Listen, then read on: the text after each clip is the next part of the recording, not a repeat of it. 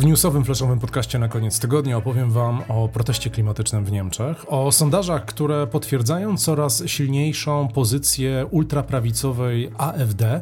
Będzie też o kolejowych, gigantycznych inwestycjach, a także o pomniku Angeli Merkel, który nie wytrzymał wewnętrznego ciśnienia i się zawalił.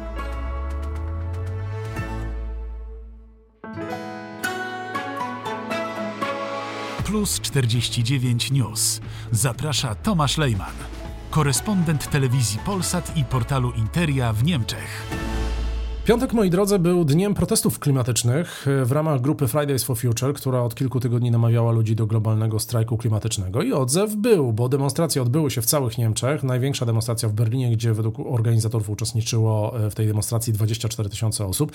Aktywiści oczywiście domagali się zdecydowanych działań przeciwko zmianom klimatu oraz zakończenia korzystania z paliw kopalnych. To były takie e, pierwsze żądania, ale też mm, demonstranci chcą, aby niemiecki rząd przestrzegał zobowiązań klimatycznych więcej inwestował w zrównoważony transport publiczny. Przed bramą brandenburską oraz w innych, można powiedzieć, symbolicznych e, miejscach Niemiec, no widoczne były takie hasła jak ochrona klimatu, to podstawowe prawo oraz zyski dzisiaj, a martwy świat jutro.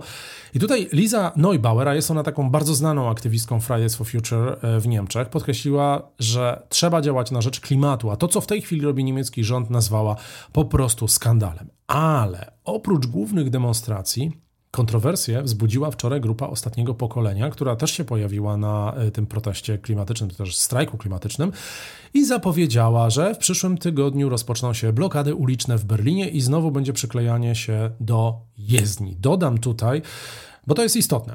Fridays for Future dystansuje się od tej metody protestu, choć obie grupy oczywiście domagają się tego samego od rządu federalnego. Tyle, że Fridays for Future nie chce przeszkadzać ludziom, a naciskać na niemiecki rząd, Natomiast y, ostatnie pokolenie chce przeszkadzać ludziom, aby w ten sposób można było wywierać większy nacisk na polityków.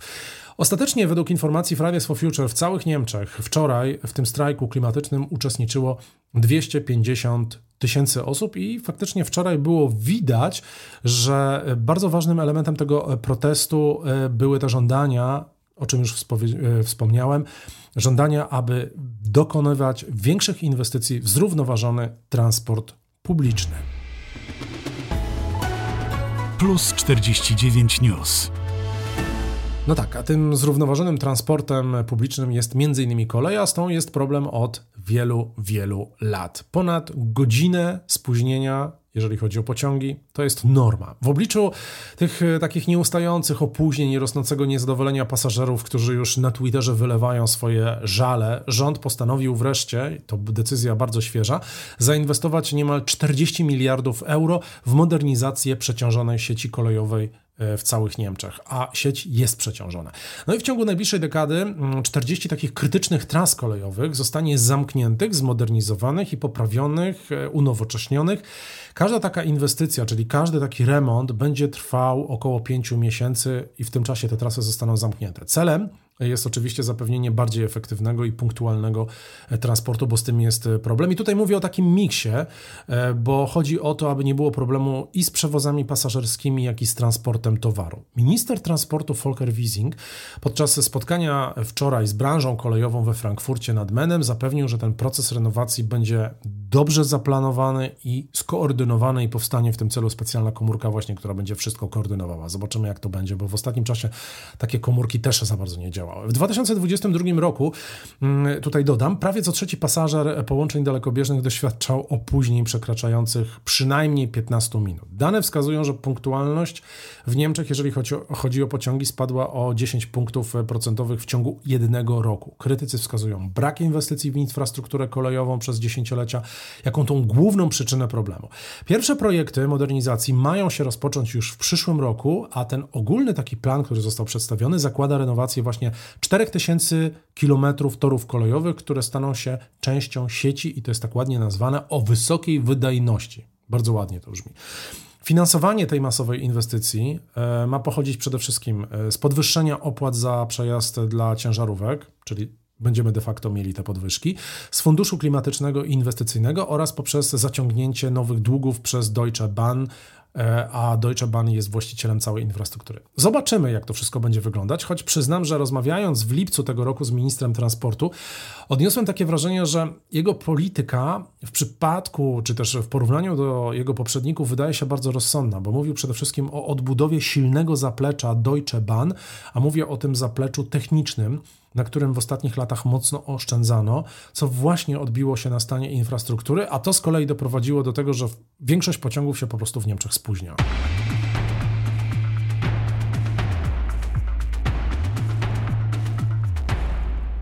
Mamy nowe sondaże, moi drodzy, które powinny zaniepokoić moim zdaniem partię środka, bo ultraprawicowa i populistyczna alternatywa dla Niemiec kontynuuje swój wzrost w sondażach, osiągając w tej chwili historyczny rekord i plasując się jako druga największa partia w Niemczech tuż za CDU i CSU, czyli za HDK-ami. Gdyby wybory teraz do Bundestagu się odbyły w najbliższą niedzielę, czyli jutro, partia kanclerza zyskałaby tylko 17%, CDU i CSU 26%, a Zieloni 16%. AfD byłoby z rekordowym wynikiem 21%. E, no, wskazuje e, to wszystko na rosnące poparcie wśród e, właśnie niemieckiego elektoratu. To nie koniec tego sondażu, bo y, sondażownia zapytała też o sprawy gospodarcze. I tutaj większość Niemców obawia się dalszego spadku gospodarczego, niestety. Aktualne statystyki sugerują, że tylko, naprawdę, tylko 14% Niemców uważa, że sytuacja gospodarcza w kraju jest wciąż dobra, aż 60% spodziewa się niestety pogorszenia kondycji gospodarki w najbliższej przyszłości. I to mówią tak naprawdę nie tylko sondaże, bo ostatnie wypowiedzi e, wielu niemieckich renomowanych ekspertów jak gdyby potwierdzają to, o czym myślą w tej chwili Niemcy. Na koniec jeszcze o popularności niemieckich polityków. W rankingu sympatii wśród polityków minister obrony Boris Pistorius pozostaje na czele listy, zaś Annalena Baerbock, szefowa niemieckiej dyplomacji oraz kanclerz Olaf Scholz dzielą drugie miejsce. Najgorzej wypadają dwie skrajne polityczki. Z lewej strony Zara Wagenknecht, z prawej strony Alice Weidel z AfD.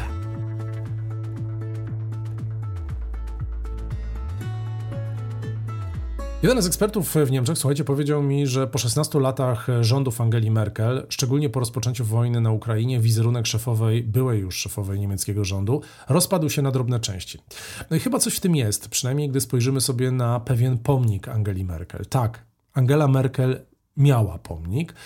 Eee, I tak po mniej więcej dwóch latach od jego postawienia ten pomnik przedstawiający Merkel na koniu rozpadł się. Dzieło zostało wykreowane i stworzone techniką druku 3D przez e, niemieckiego rzeźbiarza Wilhelma Kocha i ten pomnik miał uczcić 16-letnie rządy Merkel w Niemczech. Rzeźba e, przedstawiała właśnie taką kanclerz ubraną w marynarkę, spodnie i diament, a jej ręce przyjęły tą formę takiego charakterystycznego rąbu, e, który ona robiła właśnie przemawiając między innymi do e, ludzi w licznych podcastach.